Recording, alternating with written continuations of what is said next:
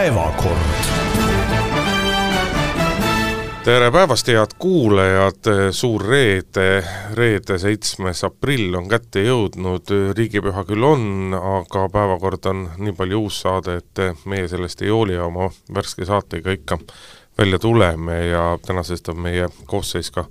mõnevõrra täienenud, Urmas Jaagant ja Hindrek Riikoja vastavalt Eesti Ekspressist ja Maalehest on ikka stuudios olemas, aga Grete Lehepuu Eesti Ekspressist on ka meie seltsis, tere Grete! tervist, rõõm, et kutsusite!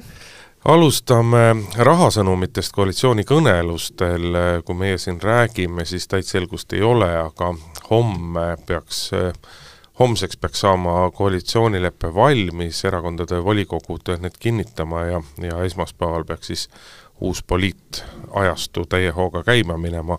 Räägime ka Tallinna Sadama protsessi tabanud muudatustest, kui mõistlik on äh, selle protsessiga sisuliselt nullist alustada ja tegelikult laiemalt võiks rääkida ka sellest, et mis siis on rahvakohtunike roll ja regulatsioon ja kuidas sellesse peaks suhtuma. Yana Toomi palju vastukaja tekitanud kirjatükist, sellest justkui Peterburi pommiplahvatusega oleks nii-öelda jõudnud sõda Ukrainas kuidagi tagasipöördumatusse järku, mida see õigupoolest tähendab ja kas Yana Toom peaks niimoodi rääkima, arutame seda, ja räägime kindlasti ka Majandus- ja Kommunikatsiooniministeeriumis asekantslerist, kes jättis majanduslike huvide deklaratsiooni märkimata oma Bolti aktsiate optsioonid, mis tal on eelmisest töökohast pärit. aga alustame siis äh, tõesti rahasõnumitega koalitsioonikõnelustelt. Äh, noh, sinna juurde tuleb muidugi kohe öelda, et äh, me saime ju ka siin nüüd teada selle Rahandusministeeriumi majandusprognoosi äh, mis on siis äh, nii-öelda kõige, kõige aluseks ja millega,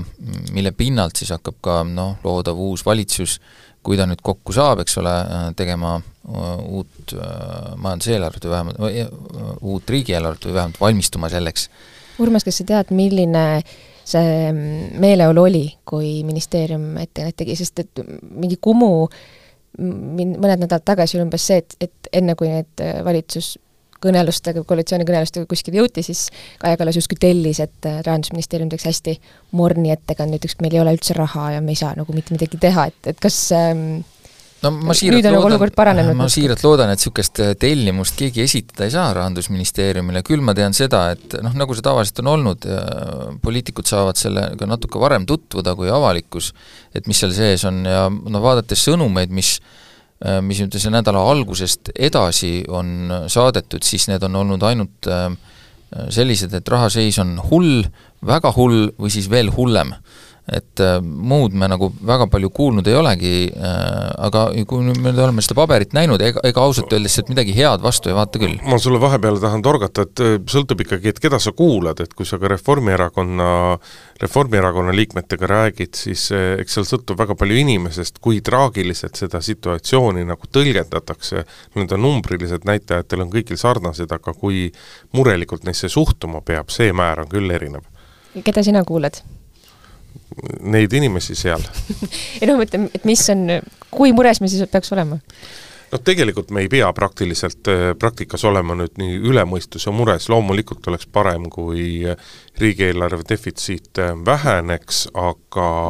noh, me ei saa unustada, kust kohast me tuleme, mis ajastust me tuleme, selle varjud on meil kaasas, noh, ei ole ju saladus, et üks äh, üks nii-öelda tõsisemaid koormaid järgmise aasta riigieelarvele on kaitsekulude suurenemine.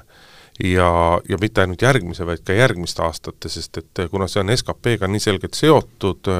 nii kui majandus kasvab, SKP paraneb, nii ka need kulutused kasvavad ja ja ainuüksi sealt tuleb pool miljardit eurot, eks ole, juurde. et jaa, see kõik, see kõik oleks nagu tore ja mõnus, kui meil see eelarve ei oleks juba enne sellises seisus, nagu ta on. et nagu kõige kurvem on see, et kui ma räägin äh, Äh, Reformierakonna poliitikutega mõnedega, siis, äh, siis ma kuulen umbes sellist juttu, et kõigepealt hakkab pihta sellest, et oo, see Jüri Ratase aegne valitsus, küll nad seal ikka võtsid, eks ole, laenu ja kõike, kulusid kasvatasid, tulusid üldse nagu juurde ei toonud või ei näidanud, kust need tulud tulevad, tõsteti seal mingeid asju. see on noh, mõnes mõttes on see tõsi, tõsteti küll. ja eks, ega need tulusid sealt ei tulnudki, võeti laenuga hoogsalt, nüüd, nüüd aga oot, vaatame oot, oot, tagasi, mis see aeg oli, eks ole. oota, ma räägin edasi, kõigepealt siis, siis tuli edasi ju Reformierakonna valitsused meil ja Keskerakonnaga tehtud valitsuse puhul kirtsutavad nad nägu, ütlevad, et nojah, Keskerakond pidi, tahtsime valitsust teha, noh, pidi seal nagu midagi järgi andma. ja jälle tuli neid kulusid nagu juurde siis lõppes see valitsus ära, Keskerakond tõstis ennast ise ukse taha sisuliselt ja siis oli Isakon-, Isamaa ja sotsidega valitsus, kust ma kuulen jälle Reformierakonnast, et nojah, et, et see asi kokku saada, eks, eks me pidime seal ikka järgi andma ja eks nad ikka nõudsid ka ja ühesõnaga said seal mingeid asju ja jälle see miinus muudkui kasvas. et noh, öelda siin, kes siin süüdi on, mina ei tea, mulle tundub, et kõik on siin ikkagi mõnusasti mm, seda nii-öelda rada jätkanud, mille tõsi, äh, kõndis sisse Jüri Ratase valitsus, aga see, aga selle peale on ka kõigil teistel olnud väga mõnus äh, nagu edasi astuda ja nüüd see seis ongi see, mis ta on, et et no okei okay,, me no,, me päris no, lõpuni ei tea, mis asi on, äh, me võime arvata seda, mis me teame, mis see seis praegu on. aga mille pärast see prognoos on halb asi,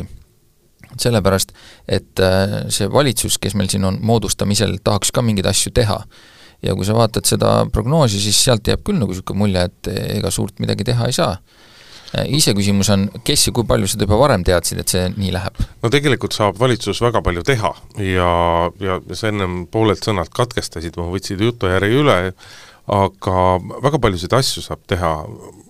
kõigepealt tuleks otsustada nii-öelda fundamentaalne põhimõte, et mida me peame tegema selle jaoks, et riigi rahanduslik seisukord muutuks paremaks ja selle jaoks on majandust tarvis turgutada, selle jaoks on vaja saavutada, et meil oleks suurem majandus,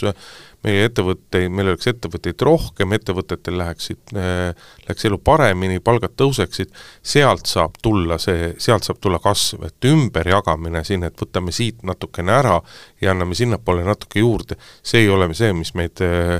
meid, meid edasi viib ja, ja meil on olemas siiski jätkuvalt nagu väga hea võimalus, kuidas kuidas nii-öelda seda vaheperioodi katta ja see on laenu võtmine. kui me vaatame jätkuvalt Eesti riigi laen äh, on meie, meie laenumäär on niivõrd madal, et, et kui, kui võet-, võtta tõesti see siht, et me panustame majanduse arengusse, me panustame te-,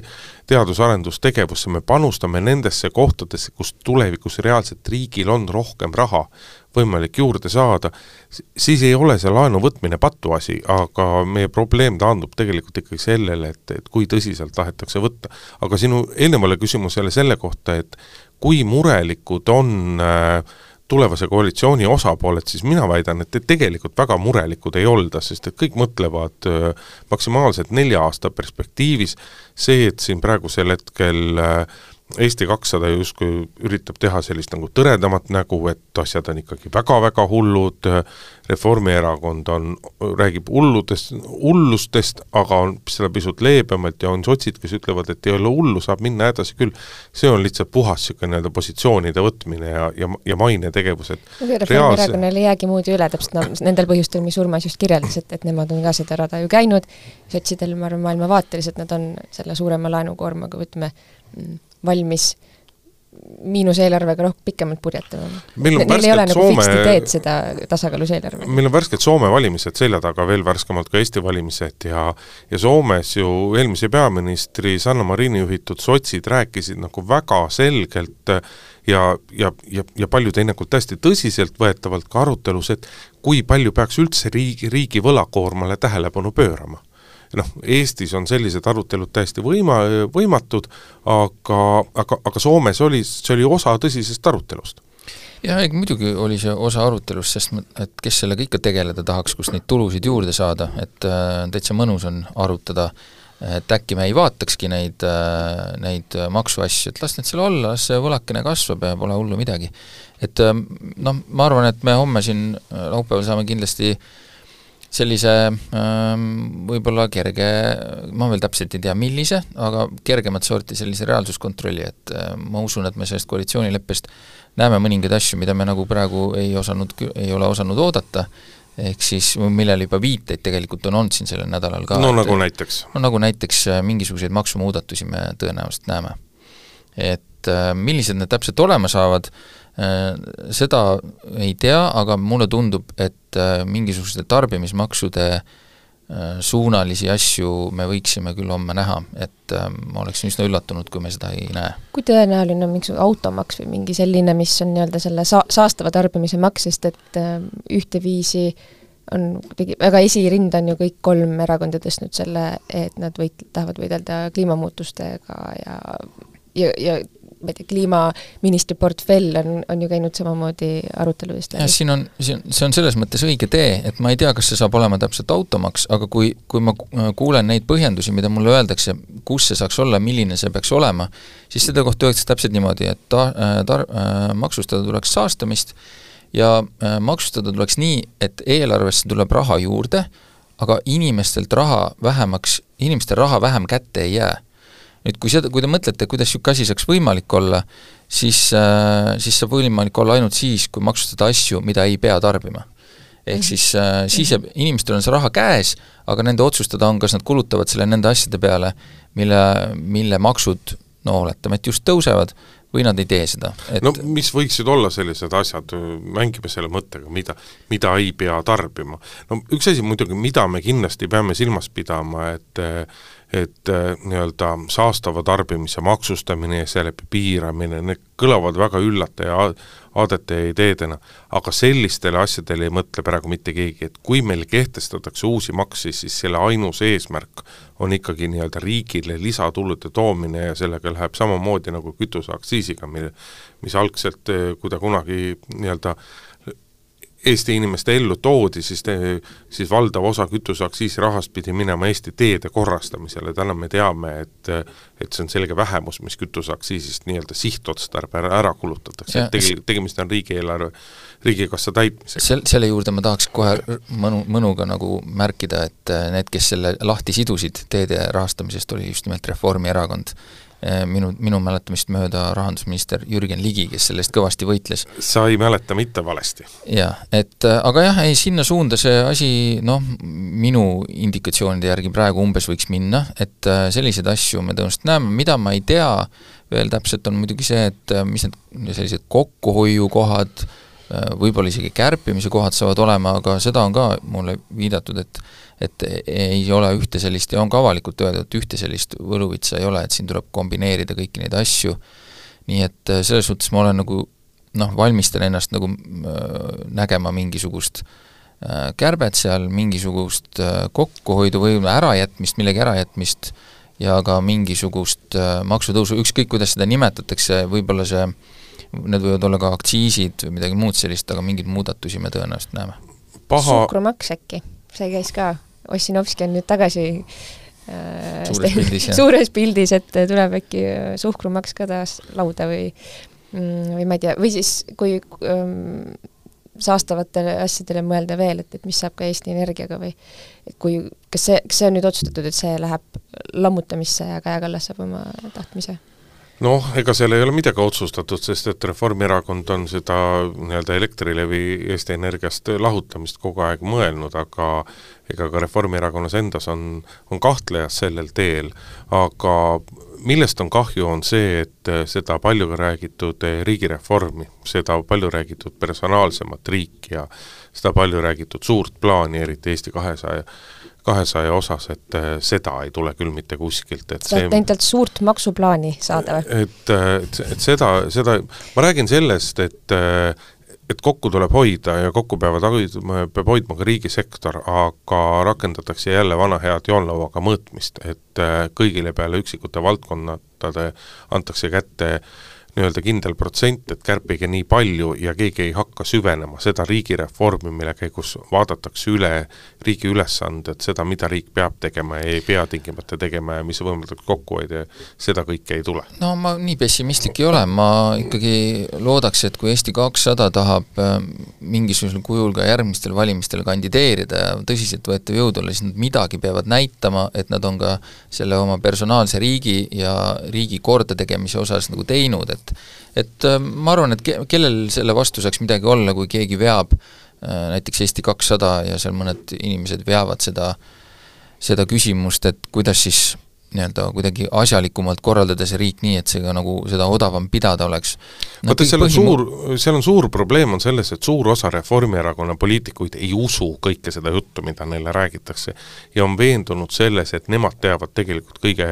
paremini, ma ei mäleta, kas ma siin ühes saates seda mainisin, ma mingi hetk siin paar nädalat tagasi kuulasin ühte Vikerraadio saadet, kus siis olid nii-öelda tulevase koalitsiooni liikmed olid üksmeeles ja ja kus Jürgen Ligi lihtsalt terve saate nagu mõnitas oma partnereid eh, sotside ja Eesti kahesaja juurest ja rääkis, kui rumalad on ja kuidas nad üldse aru ei saa, kuidas asjad tegelikult käivad ja aga ega selline suhtumine Reformierakonnas siiski, ma ei taha öelda valdav, aga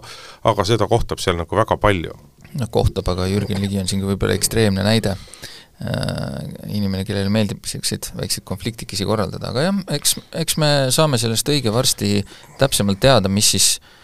mis siis selle koalitsioonileppe sisu, sisu on, tõenäoliselt kõige põnevam saabki olema just see ikkagi, kuidas seda rahalist olukorda lahendatakse, mida siis üldse tehakse nendest valimislubadustest, mul on jäänud niisugune mulje, et opositsioonierakonnad juba väga hoolega hõõruvad käsi ja ootavad, millal selgub see, et lubatust valimiste eel ja valimiste ajal lubatust ei tule. Noh, pooltki, võib-olla kolmandik. ei tule kolmandikki. ja, võib-olla ei tule isegi kolmandikugi, et ähm, ma usun, et neil saab olema seal päris palju, millega noh, näidata, et näete, inimesed, te olete teinud vale valiku mis hakkab juhtuma esmaspäeval Riigikogus, kui ma nüüd ei eksi, kell kaks äh, uus parlamendi koosseis koguneb ja neil on äh, esimesel istungil on üks suur ülesanne, mis saab ka nii-öelda loodava koalitsiooni esimeseks äh,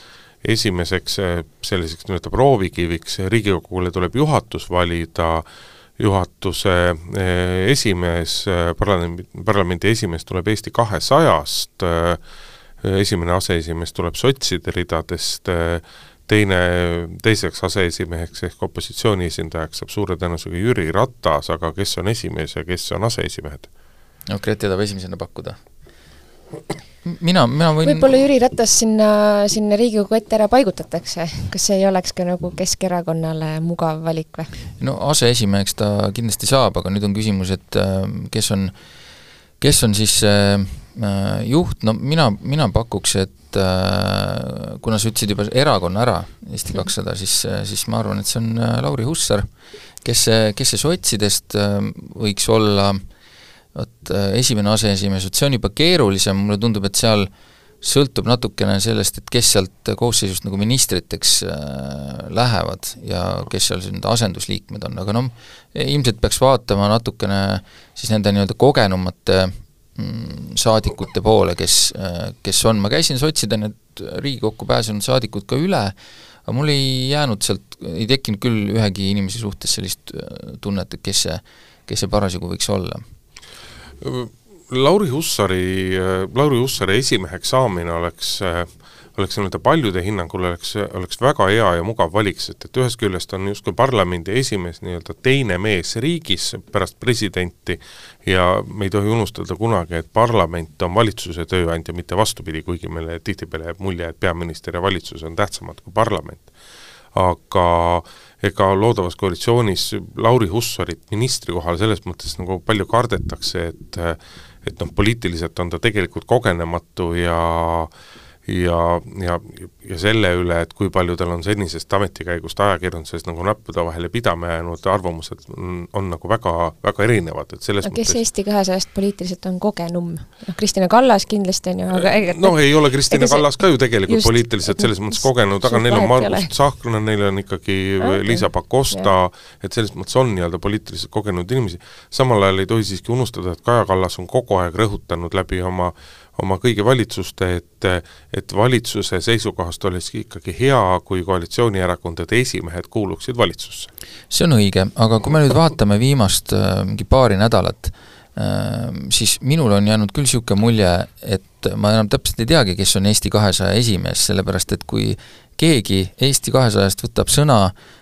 selle kohta, mida, millest räägitakse koalitsiooni läbirääkimistel või mis on Eesti kahesaja eesmärgid, siis rääkija on Kristina Kallas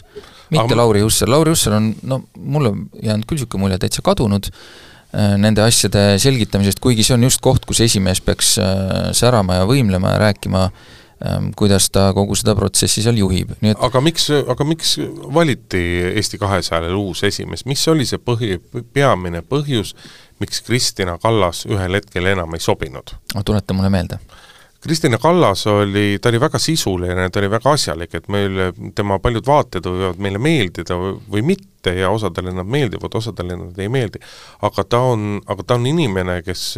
kes nii-öelda üritab läheneda küsimustele sisuliselt ja tegeleb vähem sellise nii-öelda vormilise asjaga, erakonna esimehena sul ikkagi peab olema väga kaugele arenenud oskus rääkida väga võluvalt väga palju ja mitte millestki ja see on Kristina Kallase väga nõrk koht, et vaata koalitsiooniläbirääkimistel Lauri Hussar oli ju alguses ka ikkagi, oli ju laua taga, ega viimased nädal-poolteist ongi olnud nii-öelda väga sisulised ja väga tõsised arutlused. võib-olla peab sealt seda põhjust ja ma ei arvagi, et teda seal nagu ei ole, aga lihtsalt ta ei ole see, kes on nagu esindaja, sellepärast ma nagu arvangi, et Kristina Kallas saab kindlasti koha valitsuses ja millegipärast ma arvan, et ka äh, Margus Tsahkna meelitatakse sinna, sellepärast et äh, Äh, ministri kogemusega inimene nii värskes erakonnas on selline asi, mida ei saa äh, nagu raisku lasta. Äh,, teda on seal kindlasti vaja, eriti kui arvestada, et Tsahkna on ka noh, nii-öelda sisuliselt seda erakonda ikkagi päris palju vedanud ja vedamas ka praegu, et äh, kuigi, kuigi see võib-olla nii palju välja ei paista. no meil on siiamaani ju tegelikult lahtine ka see, et kuidas üleüldse valitsuses kohad jaotuvad, et äh, Postimees on seda nagu kõige, kõige julgemalt prognoosinud, nemad ennustasid, et sotsid saavad valitsuses kaks, et ministreid jääb ikka viisteist, sotsid saavad valitsuses kaks kohta, Eesti kakssada saab neli kohta ja ülejäänud kohad kõik lähevad äh, Reformierakonnale, et, et kui see noh, nii saab olema, siis see on muidugi ikkagi noh, nagu väga jõuline tankisõit äh, üle koalitsiooni, äh, koalitsioonikaaslaste, et noh, ma ise küll usun, et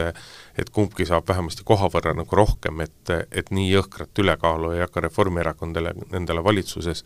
nagu tekitama, aga ega siinpool, eriti sotside puhul ei tohi siiski unustada ka seda, et et sotsid peavad mõtlema strateegiliselt, esimees Läänemetsale on väga selge surve, et ta võiks võtta ikkagi nii-öelda, ta võiks valitsusse tuua ka mõne sellise nii-öelda noh, võib tegelikult öelda, et sotside käilakuju, kes seekord parlamenti ei pääsenud ja kellele sotside nii-öelda nimekirja koostamispõhimõtete tõttu ei ole mingisugust lootust ka asendusliikmena sisse saada, et et sellised asjad, roll, asjad hakkavad ka rolli mängima. see on konkreetne nimi ka? noh, eks seal on, eks neid käilakujusid on ikkagi päris mitu, et sotsid kaotasid priskelt. jaa, no sotsid on varemgi seda nippi kasutanud valimistel, kus äh, pannakse Äh, üldnimekirjas kehvema koha peale need, kes, äh, kes peaks ise nagu sisse pääsema ja selle tõttu aidata kompensatsiooniga neid, kellel tõenäoliselt nii hästi ei lähe, aga see on neil mitumel korral alt vedanud. no kaks korda oleme siiski täpsed, nad eelmistel valimistel kasutasid seda esimest korda ja põrusid, näiteks Eiki Nestor jäi parlamendist välja ja see, nendel valimistel nad kasutasid jälle ja jälle jäid järgmised inimesed välja jaa, äh, aga lähme vast äh, edasi või on meil vaja midagi veel, või tahame midagi veel ennustada, et äh, sa, sa pakkusid siin ministri kohta neid numbreid, mina arvan ka, et see nii, nii järsuks ikkagi see ülekaal ei lähe, vast ta jääb sinna kuhugi natukene, natukene väiksemad saavad tõesti võib-olla ühe kohakese juurde, kuigi ei ole ka kindel, kas neid ministrikohti saab olema viisteist, et rohkem ei saa teha neid, seda seadus ei luba, aga vähem saab ja no seadust on võimalik siiski ka muuta. ja, aga ja see ei ole selline muudatus, millele sul oleks vaja, et see ei ole põhiseaduse muutmine või see ei ole muudatus, mille saab, otsuse saab teha ja, täna, aga et muutus ei saa tulla näiteks ennem järgmisi valimisi. kuidas see siis välja nüüd paistaks, et ähm, räägime sellest, kui raske riigil on, kuidas peab ikka kokku hoidma ja loome ühe ministeeriumi juurde. nojah, aga vaata, vaata Grete, me ei saa ju alati siiski ainult rahanumbritega mõelda, me peame mõtlema ikkagi ka Eesti ees seisvatele probleemidele ja ülesannetele ja me oleme täna ikkagi väga keerulises nii julgeolekusituatsioonis kui ka kliimasituatsioonis ja mingisugustes kohtades meil on paratamatult äh, praegusel hetkel tarvis rohkem panustada, aga Eka ainult sellepärast, et tulevikus toob see meile rohkem kasu. tulevikus me kindlasti võidame selle arvelt. ma olen, ma olen nõus. Nagu ma just ütlen, et kui, kui me nüüd lähme järgmisele teemale üle, siis enne me peame stuudiost kokku riisuma selle iroonia, mis siia äh, Hindreku jutust maha jäi. aga läheme järgmise teema juurde äh,, võiks vaadata natukene ka seda, mis puudutab siis äh, ühte suurt kohtuasja, Tallinna Sadama protsessi, milles on nüüd nagu nende suurte asjadega ikka, tuleb ette ootamatusi ja nüüd on olukord selline, kus võib juhtuda olukord, et selle protsessiga tuleb hakata otsast peale, kuskilt mul jäi silma, et vist üheksakümmend istungit on ära peetud või oli midagi sinna sinna see suurusjärk läks, jah. ja, ja nüüd võib see asi alata otsast peale, põhjuseks siis see, et äh, rahvakohtunik äh, kas ma, kas siis nüüd taandas ennast, ma nüüd neid täpselt neid äh, väljendeid ei ta jäi haigeks. jäi haigeks, ei saanud osaleda et ehk siis vist ilmselt ikkagi ise palus ennast taandada sellest äh, protsessist, aga äh, üldiselt on niisugune tava, et, et seda ei saa nii-öelda poole pealt asendada, sest et äh, kohtunik, kes osaleb, peaks olema siis nagu nii-öelda kogu protsessi algusest peale kaasa käinud ja nüüd siis äh, kohtunik äh, on siis mõtlemas, kas oleks seda võimalik olukorda päästa kuidagi nii, et, et, et ei peaks käima uuesti läbi kõiki neid tõendeid ja asju, mida on siis seni üheksakümnel umbes seal ringis istungitel arutatud, no no võib-olla peab, võib-olla peab tausta mõttes rääkima ka seda, et, et see on ajaloo suurim korruptsiooniprotsess Eestis, seega väga mõjukas, kaalukas äh, nii prokuratuurile, kohtule ka ilmselt, on ju, kogu õigus, õigussüsteemile enese nagu kehtestamiseks või, või näitamiseks või, või usalduse säilitamiseks. aga selle protsessiga on kaasas käinud kummaliselt palju sellist ebaõnne et, et isegi ei ole see ei rahvakohtunike ega kohtunike süü, aga kuidagi järgemööda kogu aeg juhtub mingeid asju. või no osad pidi, mingit pidi saaks vaadata, küsida ka, et kas, kas Eesti riik oleks saanud paremini tegutseda, noh näiteks üks kohtualune on ju pääses lõpuks, kuna asi hakkas aeguma, üks põhikohtualune kahjuks on, on ju surnud tänaseks, et eks nende suurte no tema vabastati nagu, ennem te tervislikel põhjustel. tervislik põhjust, et, et mingil määral on see ju paratamatus, et kui sul on nii mahukas asi, kui sul on nii palju istungeid, kui see on nii palju kaua kestnud, on ju, et see, see jääbki venima,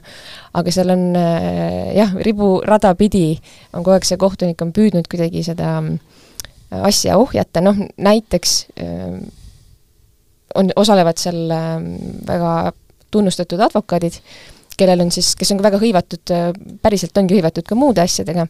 teistpidi on tekkinud küsimus, et kas nad mitte ei kasuta sellist venitamistaktikat, et, et kui lepitakse kohtus kokku uute istungite aegu, siis küll leitakse, leiab üks, et oi, temal ikka ei ole äärmiselt mitu kuud aega ja siis teine ütleb, temale jälle ei sobi, mis tähendab siis, et lõpuks see kohtunik leidis siis sellise jokk-võimaluse, määras kaitsjatele riigipoolsed kaitsed. et kui sinu kallilt makstud advokaat ei saa tulla, siis sul on riigi poolt kaitse ikkagi olemas ja kohtuistungit saab pidada et noh, näiteks üks selline näide, kuidas kohtunik on püüdnud seda asja palli nagu veeremas hoida. Aga jah, et, et see nüüd, ehm, tal muud nagu ei jäänud üle, kui tõesti lõpet-, lõpetanuks lugeda, aga see, see ei tähenda, me, veel tegelikult ei tea, mida see tähendab. et me ei tea, kui palju neid tõendeid, noh näiteks kuidagi on kohtusaalis üle kuulatud, et kas, kas seda saab üks-ühele üle kanda uude protsessi, kas peab hakkama jälle kõiki kirju uuesti läbi lugema,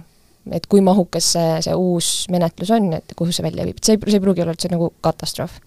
Aga jah, ma kaldusin kõrvale su sellest äh, rahvakohtuniku küsimusest. no selleni me võime ka tulla, aga jah, minu tunnetus on ka see, et, et ühest, ühelt poolt on see mõistlik, mõistetav, see tähendab, et kui on nii palju inimesi, mida rohkem inimesi, rohkem asju juhtub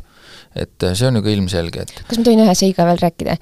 Äh, mis, mis juhtus, miks, miks seal juba üks rahvakohtunik vahetus, et äh, et üks kohtualustest väitis, et ta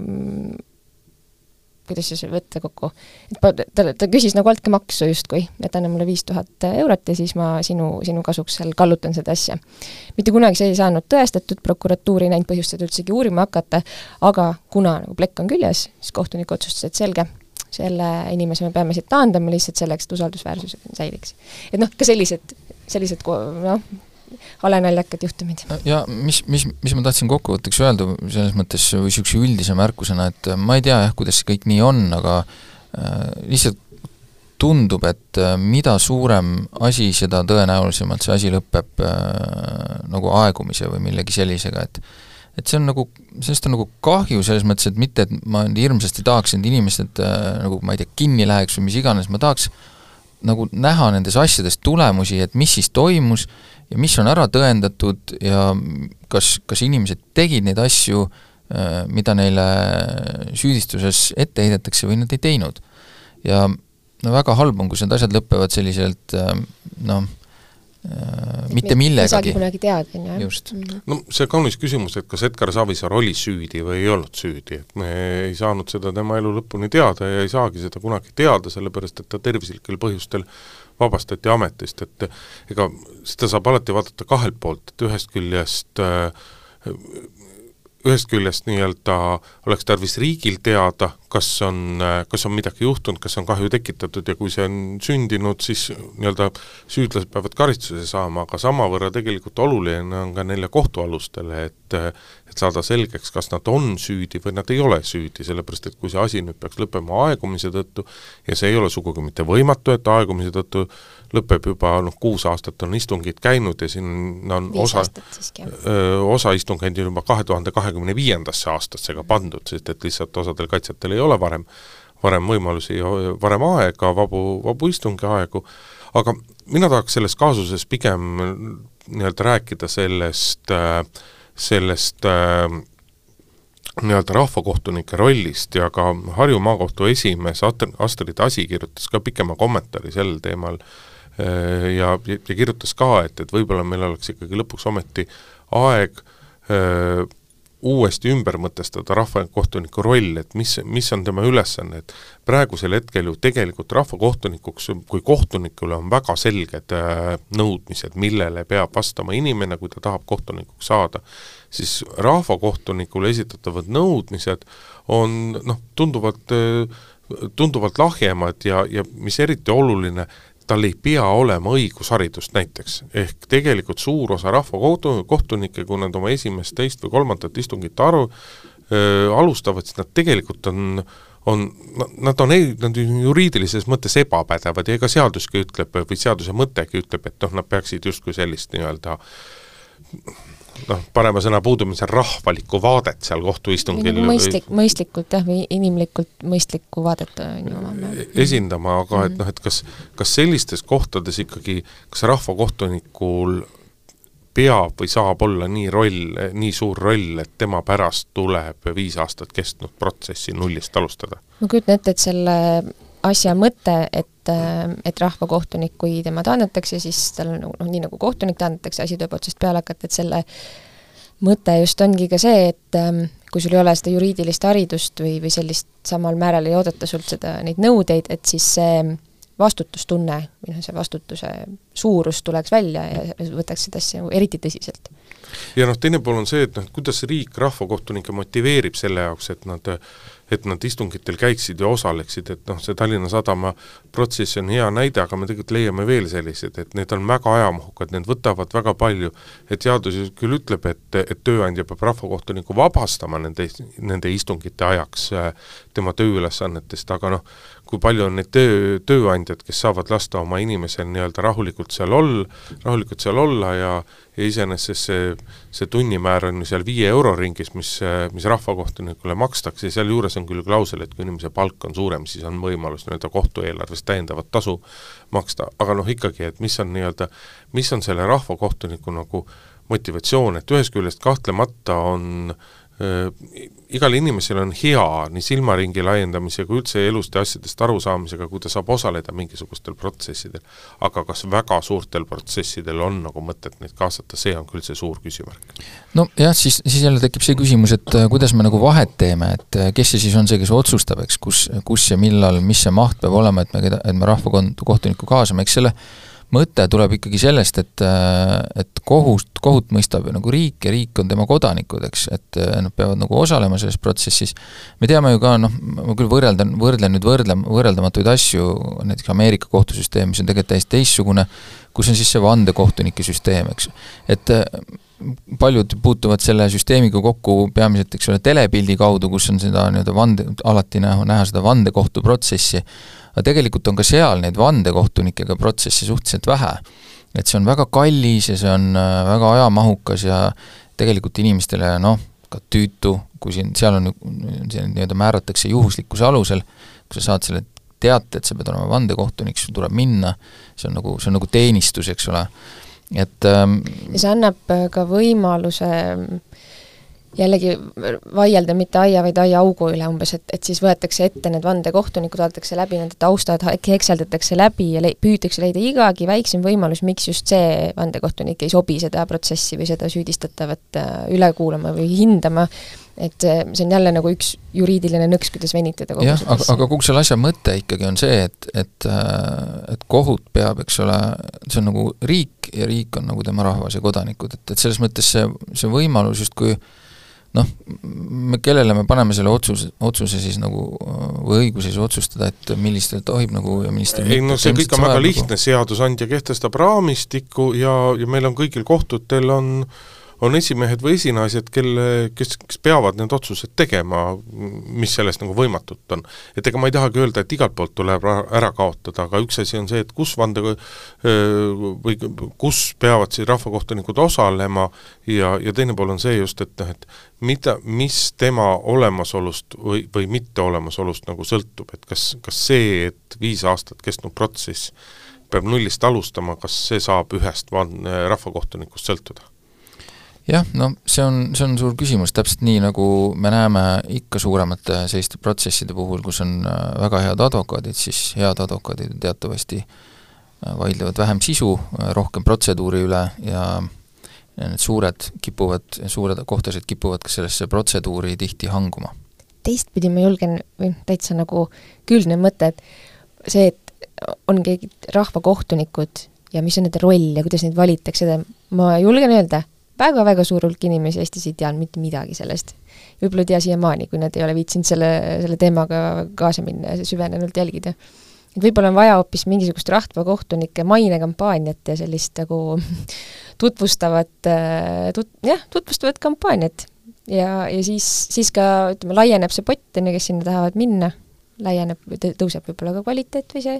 et, et lähevad sellised fanaatikud, kes tahavad rohkem sisuliselt kaasa rääkida, ei ole ideeliselt keha. Aga läheme edasi järgmise teema juurde ja nagu me lubasime, siis räägime Yana Toomi arutelust, eelmise nädala lõpus toimus äh, Peterburis äh, üks pommiplahvatus, mille käigus sai surma üks, äh, üks sõjablogija ja Vene riigis ametlik seisukoht on, et selle pommiplahvatuse organiseeris Ukraina või Ukraina toetajad ja ja see on, tegemist on terrorismiaktiga,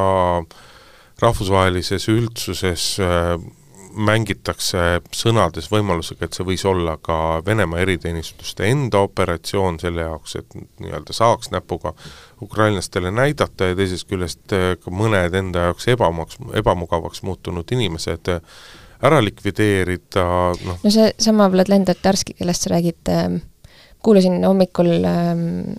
Vikerhommikus intervjuud andnud Anton Aleksejevit, kes võttis kokku, tema on lugenud tema blogi, kas ta ütles kolm või viis aastat juba,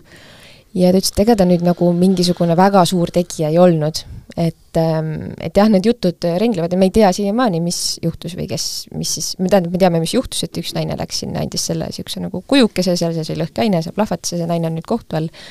aga et, et jah, miks siis või, või kes siis äh, seda korraldas, aga ta, et ta ei olnud noh, selline, ütleme, see, see, olukord tekitab ebamugavust kahtlemata, see toimus Peterburis, on ju, äh, suurlinna inimestele põhimõtteliselt on sõda nüüd jõudnud päriselt nagu füüsiliselt kohale, äh, aga et noh, valdavas osas inimestes nagu ei ole mingisugust suurt leinapäeva, et just see inimene surmas. ei, seda muidugi, aga, aga mängides mõttega, et seda korraldasid ikkagi Vene enda äh, enda organid, siis ega mõte ei ole ju ainult mitte ühe konkreetse inimese tapmine, vaid ka väga paljudele teistele inimestele, kes võivad sarnaselt ebamugavaks muutuda, neile ka sõnumi edastamine, et, et olge nüüd head ja vaadake ette. aga mitte sellest ei tahtnud või ei pidanud me rääkima. aga ma ei saa tegelikult su mõttest aru lõpuni, annandaks, et mis siis, mil, mille poolest see Tatarski siis nagu ebamugavaks, ta oli absoluutselt propagandist, ta oli nagu väga niisugune äh, verine, väga nagu vihakõneleja ukrainlaste vastu ja ta rääkis absoluutselt seda juttu, mida Putin tahabki, et räägitaks või köetakski, seda uskumust, mida või seda narratiivi, mida Putin tahakski, et ühiskonnas tal ju usutakse, ei no vaata, eks seal olid ka nagu erinevad varjundid ja asjad, et aga sa sa üritad või sa teed nagu minu arust selle vea, kui sa nagu Venemaast räägid, et sa üritad nagu asjadele läheneda ratsionaalselt, aga palun ära lähene. no aga seleta otsa... seda ebaratsionaalselt poolt siis, et see võis olla siis, ma ei tea, on see siis sõnum läänele või sõnum Ukrainale no, või ei, see on sõnum kas, omadele. kas keegi, keegi lähenes tatarskile, nad teadsid juba, et oi, see vend hakkab varsti nagu tegema koostööd kellegi teisega, no hea küll. aga need on nüüd jutud, mis me ise välja mõtleme. ei, absoluutselt, see on, see on meie hinnang, aga meie pidime rääkima Yana Toomest ja Yana Toomi vastu väljaütlemistest, Yana Toom, Euroopa Parlamendi saadik, Keskerakonna esindaja, värskelt eh, Eesti Vabariigi parlamendi kohast loobunud, eh, hoolimata sellest, et järgmisel kevadel on järgmised Euroopa Parlamendi valimised ja ja tegelikult ükski praegu loobunud eh, euro, Eesti parlamendi kohast loobunud Euroopa Parlamendi saadik ei saa kindel olla, et ta saab, et ta saab tuleval aastal Euroopa Parlamenti tagasi valitud. aga ta, ta kirjutas, ta kõigepealt kommenteeris sotsiaalmeedias ja siis kirjutas ka Delfis ühe kommentaari, kus ta kus ta, kus ta sõnum oli, oli mõnevõrra segane, aga aga kui mina seda lugesin, siis mina küll tõlgendasin seda sellisena, et et noh, et tõenäoliselt on, on selle pommiplahvatuse tapmise taga ukrainlased ja tehtud on selles mõttes valearvestus, et et sellega on sõda viidud Euroopa te- või Venemaa territooriumile, Venemaa suuruselt teise linna ja et kui siiamaani justkui oleks olnud mingisugune võimalus, et Venemaa võib kaotada ja tagasi tõmmata, siis nüüd, kui siis, siis selle vahejuhtumiga viidi sõda Venemaale endale ja Venemaal ei ole enam mingisugust võimalust tagasi tõmbuda mul on sellest, mul on sellest jaa ka väga keeruline. kas loll jutt oli minu jutt või? Yana Toomi, noh see, mina ei saanud ka aru, mida ta üldse mõtles sellega ja jah, ma, ma natuke sain, ma sain, ma sain natuke aru, ma sain, ma sain aru seda, et äh, tal on kahju nendest inimestest, kes seal süütud pidid nagu, nagu kannatama, need, äh, need inimesed, kes seal kohvikus veel ma võin viibisid. nimetada nelikümmend miljonit inimest veel, kes on süütud kannatamas. Ma, ma tahtsingi selle juurde jõuda, et ega, ega see sõda jõuab, äh, isegi oletame, mul ei ole, mul ei ole ühtegi loogilist põhjendust, miks ukrainlasi peaks huvitama mingisugune blogija, et neil on hulga, hulga ägedamaid sihtmärke, keda neil oleks vaja kas tabada või likvideerida, et mingisugune blogija nüüd on, tundub küll neile niisugune väike sihtmärk, aga samas kunagi ei tea, eks. Ähm, aga äh, see, et noh, oletame nüüd, kui Ukraina on seda sõda viinud äh, Venemaa territooriumil, siis ikka tuletame ikkagi meelde, kes viis selle Ukraina territooriumile, eks ole. et ma arvan, et mul, mul ka suhteliselt väheks jäänud seda kaastunnet mm, Venemaa riigi kui sellise suhtes selle koha pealt, et et ne-, nemad Äh, nemad on kuidagi, võiksid olla nagu kannatajad, äh, kannataja rollis siin, et ei, nemad on kannatuste põhjustajad. Äh, ja ma küll ei näe, et et me, ma peaksin kuidagi noh, ma ei tea, kas kaasa tundma võib-olla on tegelikult vale sõna, sellepärast et ikka on kahju mm, inimestest, lihtsalt see, et ähm, kas see saab tähendada nüüd mingisugust uut etappi, no, no vaevalt küll, sest et äh, kui sa vaatad äh, Venemaa piiriregioone, mis on Ukraina lähedal, siis seal ju ukrainlased küll ja seal täiesti teadlikult ukrainlased äh, toimetavad no, äh, nendes linnades ja regioonides, et seal lendab asju õhku ja nii-öelda jutumärkides suitsetamise õnnetusi juhtub kogu aeg, nii et et selles mõttes äh, ma ei saa aru, kuidas see midagi muudaks, et äh, ja kui, ja ei tasu veel ära unustada muidugi äh, et äh, Venemaa vaatest on sõda ammu Venemaa pinnal, sest et nad on ju okupeerinud, annekteerinud paar suuremat tükki Ukrainast, mis ju nüüd nende vaatest on Venemaa omad. ehk siis jutt sellest, et nüüd on sõda kuidagi Venemaa pinnale jõudnud, on täitsa absurdne. okei okay,, Indrek, nüüd ma vist astun nagu sammu tagasi enne sellest pisikesest rünnakust su pihta, et okei okay,, kui me võtame jah, mõttesse selle, mis narratiivi pealt on ju Putin on kogu oma agressiooni üles ehitanud, siis on see, et me peame ründama enne, kui meid rünnatakse, on ju. et, ja siis, kui, et kui see on tõesti nagu FSB korraldatud plahvatus seal Peterburi kohvikus, siis saab öelda, et no näete, me ju ütlesime. ja sellepärast meie pojad peavad minema ja Donbassi kaitsma. ja võib-olla, võib-olla tõesti nii. aga miks see loll jutt on kõik see, et nüüd me istume ja räägime siin, noh, loomulikult nagu mitte ühegi inimese surm ei ole normaalsete väärtuste järgi õige või me, me, me ei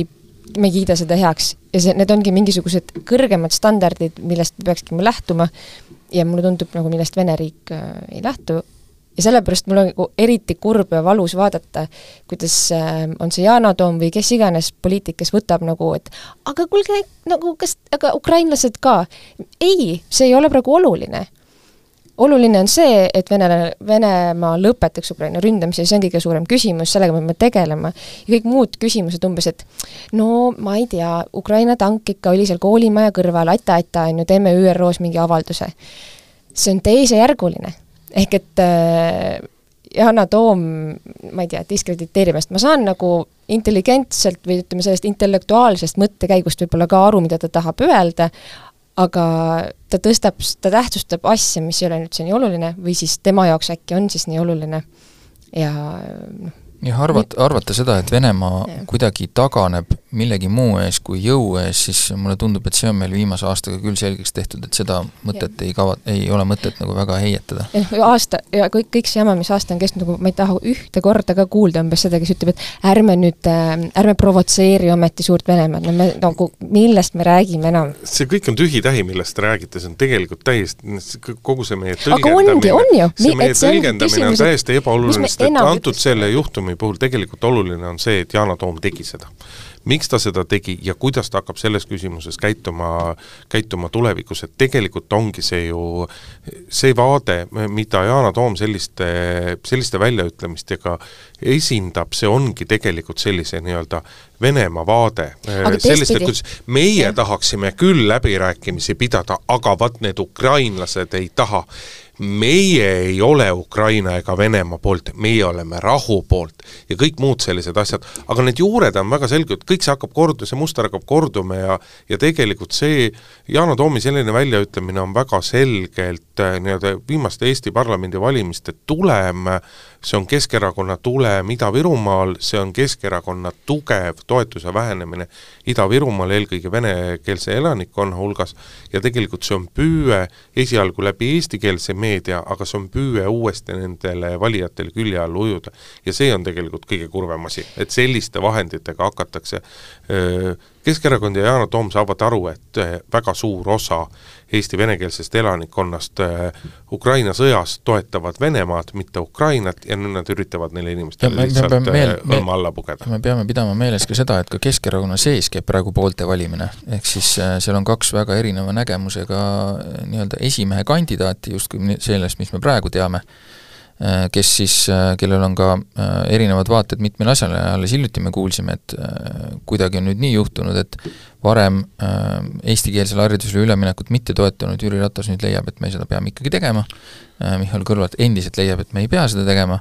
ja ma arvan, et me siin näeme ka võib-olla ühte sellist teemat kerkimas, kus kus üks öö, osa Keskerakonnast arvab ühtemoodi, näiteks Ukraina-Venemaa rollidest, ma ei pea nüüd silmas kardinaalselt, aga ma pean silmas selliseid nüansse, just nimelt see, et kas, kas ollakse kellegi poolt või vastu või rahu poolt, et võib-olla selliseid asju me hakkame nägema rohkem. et, et meenutame seda, et kui siin nüüdseks eelmine parlamendi koosseis viimase aasta jooksul on on vastu võtnud erinevaid resolutsioone, Venemaad hukkamõistvaid resolutsioone, siis Keskerakonnast ei olnud sugugi mitte ainult Mihhail Stalnuhhin see, kes nende poolt jättis hääletamata või neile vastu hääletas, et, et seal oli teisi sarnas-, teisi sarnaseid ka. Ja mina tahaks küll ikkagi ei, ei, kõigile valijatele nii-öelda meelde tuletada ja südame peale panna, et kui te järgmine kevad, vist on maikuus,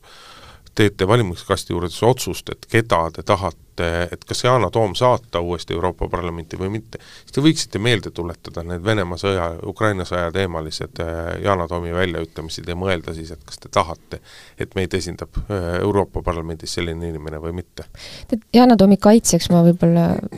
ma usun ma ei tea, läheks järgmise teema juurde oota, aga ma usun tema südames äh, võib-olla tõesti Ukraina poolt. ja seda küünilisem tegelikult on see, et ma ei tea, kas need kas see, kas see Keskerakonna tiib ei saa aru või see ongi noh, üli-üliküüniline mäng. ja sellest on hästi kahju, et noh, et aasta aega pärast sõja kestmist me noh, ei saa olla nagu ilmsem, et see on väga mustvalge konflikt, on õiged vastused ja on valed vastused, maailmas on väga vähe olukordi, kus nii on, see siin on, ja ütleme, et see noh, sellised postitused, nii nagu öeldakse, see optika sealjuures on eriti halb. ja ma ei tea, kas see, kas see on äh, ka poliitiliselt tark käik. ma loodan, et see panus oli neil vale praegu. ühe teema jõuame vist veel üle käia, mis puudutab äh, siis ei teagi, kust äh, kerkinud üsna suureks ERR-i kaudu peamiselt läinud teemad sellest, kuidas äh, tublid ERR-i ajakirjanikud, kiidame kolleege. majandusministeeriumi asekantsleril on siis justkui selgunud, et tal on kes on endi, endine Bolti töötaja, omab siis Bolti äh, optsioone, äh, aga on nüüd siis tööl juba mõnda aega Majandusministeeriumis, kus siis tegeleb ütle kuulajale igaks juhuks ka, mis asi see aktsiaoptsioon on? No see on võimalus äh, siis aktsiaid realiseerida põhimõtteliselt, kui hästi lihtsalt öelda, ma sellest valdkonnast liiga palju ei tea, see, seepärast ma loodan, et see et see on äh, piisavalt lihtne seletus, et sellest aru saada, need ei ole aktsiad, aga see on võimalus võimalus osta juba ette fikseeritud hinnaga ettevõtte aktsiaid ja, ja, ja suure tõenäosusega on see nii-öelda see, see ostuhind, millega neid saab osta, on tunduvalt tunduvalt soodsam, kui nii-öelda reaalne turuväärtus ehk oleks. ehk siis sellel inimesel on oma nahk mängus, kui kõik, mis puudutab Bolti majanduslikku edu. kui läheb Boltil hästi, läheb temal ka hästi noh, jah, jah. teoreetiliselt saaks minna. nii, aga nüüd me võimegi küsida siis, et kas see teema on üldse nagu oluline? Mm, selles mõttes, et ähm, need on, need on optsioonid, eks ole, võimalus neid aktsiaid endale osta, ta ei ole, ta ei ole seal osanik, mm, jah, selles mõttes tal on kindlasti küsimus, kas, ähm, kas ta saab sellest edust osa, kui Bolt peaks mingisuguseid selliseid samme tegema, ja te-, ja küsimuse koht on see, et ta on ka nii-öelda seda, mis ta MKM-is teinud on, on noh, võiks ju nagu lugeda justkui, et see on Boltile kuidagi kasulik. Ehk siis selle maksustamise teemadel olnud justkui nagu seal, seal seal poole peal noh, mina ei tea, kas ta mul on... teadlikult jättis selle deklareerimata? no mina olen aru saanud nii, et ta ei ole jätnud seda teadlikult, äh, vaid see on nii-öelda inimlik, äh, inimlik õnnetus põhimõtteliselt. jah, ta ei teadnud, sellepärast et vot kas aktsiaoptsioon on vara või ei ole vara, ta ei, aktsiaoptsioon kindlasti ei ole väärtpaber ja, ja seadus on selles mõttes küll nii-öelda nagu mitmeti, mitmeti tõlgendatav ja nii palju, kui mina riigiametite hingeelust tean, siis äh, igas riigiasutuses, igas ministeeriumis ma olen täiesti veendunud, et ka Majandus-Kommunikatsiooniministeerium mis on vastav inimene, kes tegeleb äh, tõenäoliselt sisekontrolli osakonna inimene, kes alati, kui tuleb uus inimene majja, siis siis tutvustatakse kõiki neid teemasid, sealhulgas ka majanduslike huvide deklaratsiooni tegemise teemasid tutvustatakse jaa, aga kas seda käiakse nagu päris samm-sammult nii nagu peenelt läbi, kas sina muidugi. uut töötajat värvad, värvates käid nagu hästi-hästi peenikselt kõik asjad läbi, et ei no aga vaata, seal ei ole, ei, seal ei ole väga palju, seal ei ole nüüd liiga palju, liiga palju asju, mida läbi käia, et mina usun küll, et MKM-is on, on spetsiaalne inimene olemas ja temaga et tema instrueerib kõiki uusi inimesi ja tema käest on alati võimalus küsida, et selles mõttes natuke on selline jagatud vastutus, et minu arust sellist nagu pahatahtlikkust mm -hmm. otsida selles mõttes ei ole mõtet, et kellelegi ei, ei olnud saladuseks, et inimene tuleb Boltist, seda on, on kõik kogu aeg nagu teadnud ja ja kui siin on üritatud nüüd varju hoida, et kui meil räägiti siin Bolti ja teiste sarnaste teenusepakkujate käibemaksustamisest, ehk siis kullerite või, või, või taksojuhtide käibemaksustamisest, siis MKM justkui teatas, et ta oli, et nemad on sellele muudatusele vastu, ega see ei olnud ühe inimese ainuotsus, et see oli ikkagi ministeeriumi seisukoht, mis päris kindlasti on ka ministriga näituseks kooskõlastatud. aga jah, kui ma olen inimestega rääkinud, siis on väga, väga hea inimene selle koha peal ja tunneb neid valdkondi ja mis puudutab muidugi selliseid optsioone, siis selle võib küll rahulikult ära öelda, et me hakkame niisugust asja nägema järjest rohkem, sellepärast et kõi-, et sellistes startup ides ja sellistes ettevõtetes on selliste nii-öelda optsioonide jagamine selliste boonustena või motivatsioonipakettidena väga levinud. Ja eks need inimesed ikka liiguvad ja kuhugi nad jõuavad ja äh, need on neil olemas. Kui need ettevõtted aina juurde tuleb ja neid kasvab, siis meil saab olema ka järjest rohkem niisuguseid inimesi, kellel sellised nii-öelda ähm, noh, võimalikud aktsiad, tulevased aktsiad ehk äh, on nagu taskus, et et see kindlasti mm, noh, tuleb ka edaspidi järjest rohkem teemaks, et inimesed, lihtsalt rumal on siin see, et need, need nagu märkimata jäid, et siin võib-olla muidu mingisugust Äh, sellist nii-öelda case'i üldse ei olekski, kui äh, kui need oleksid õigesti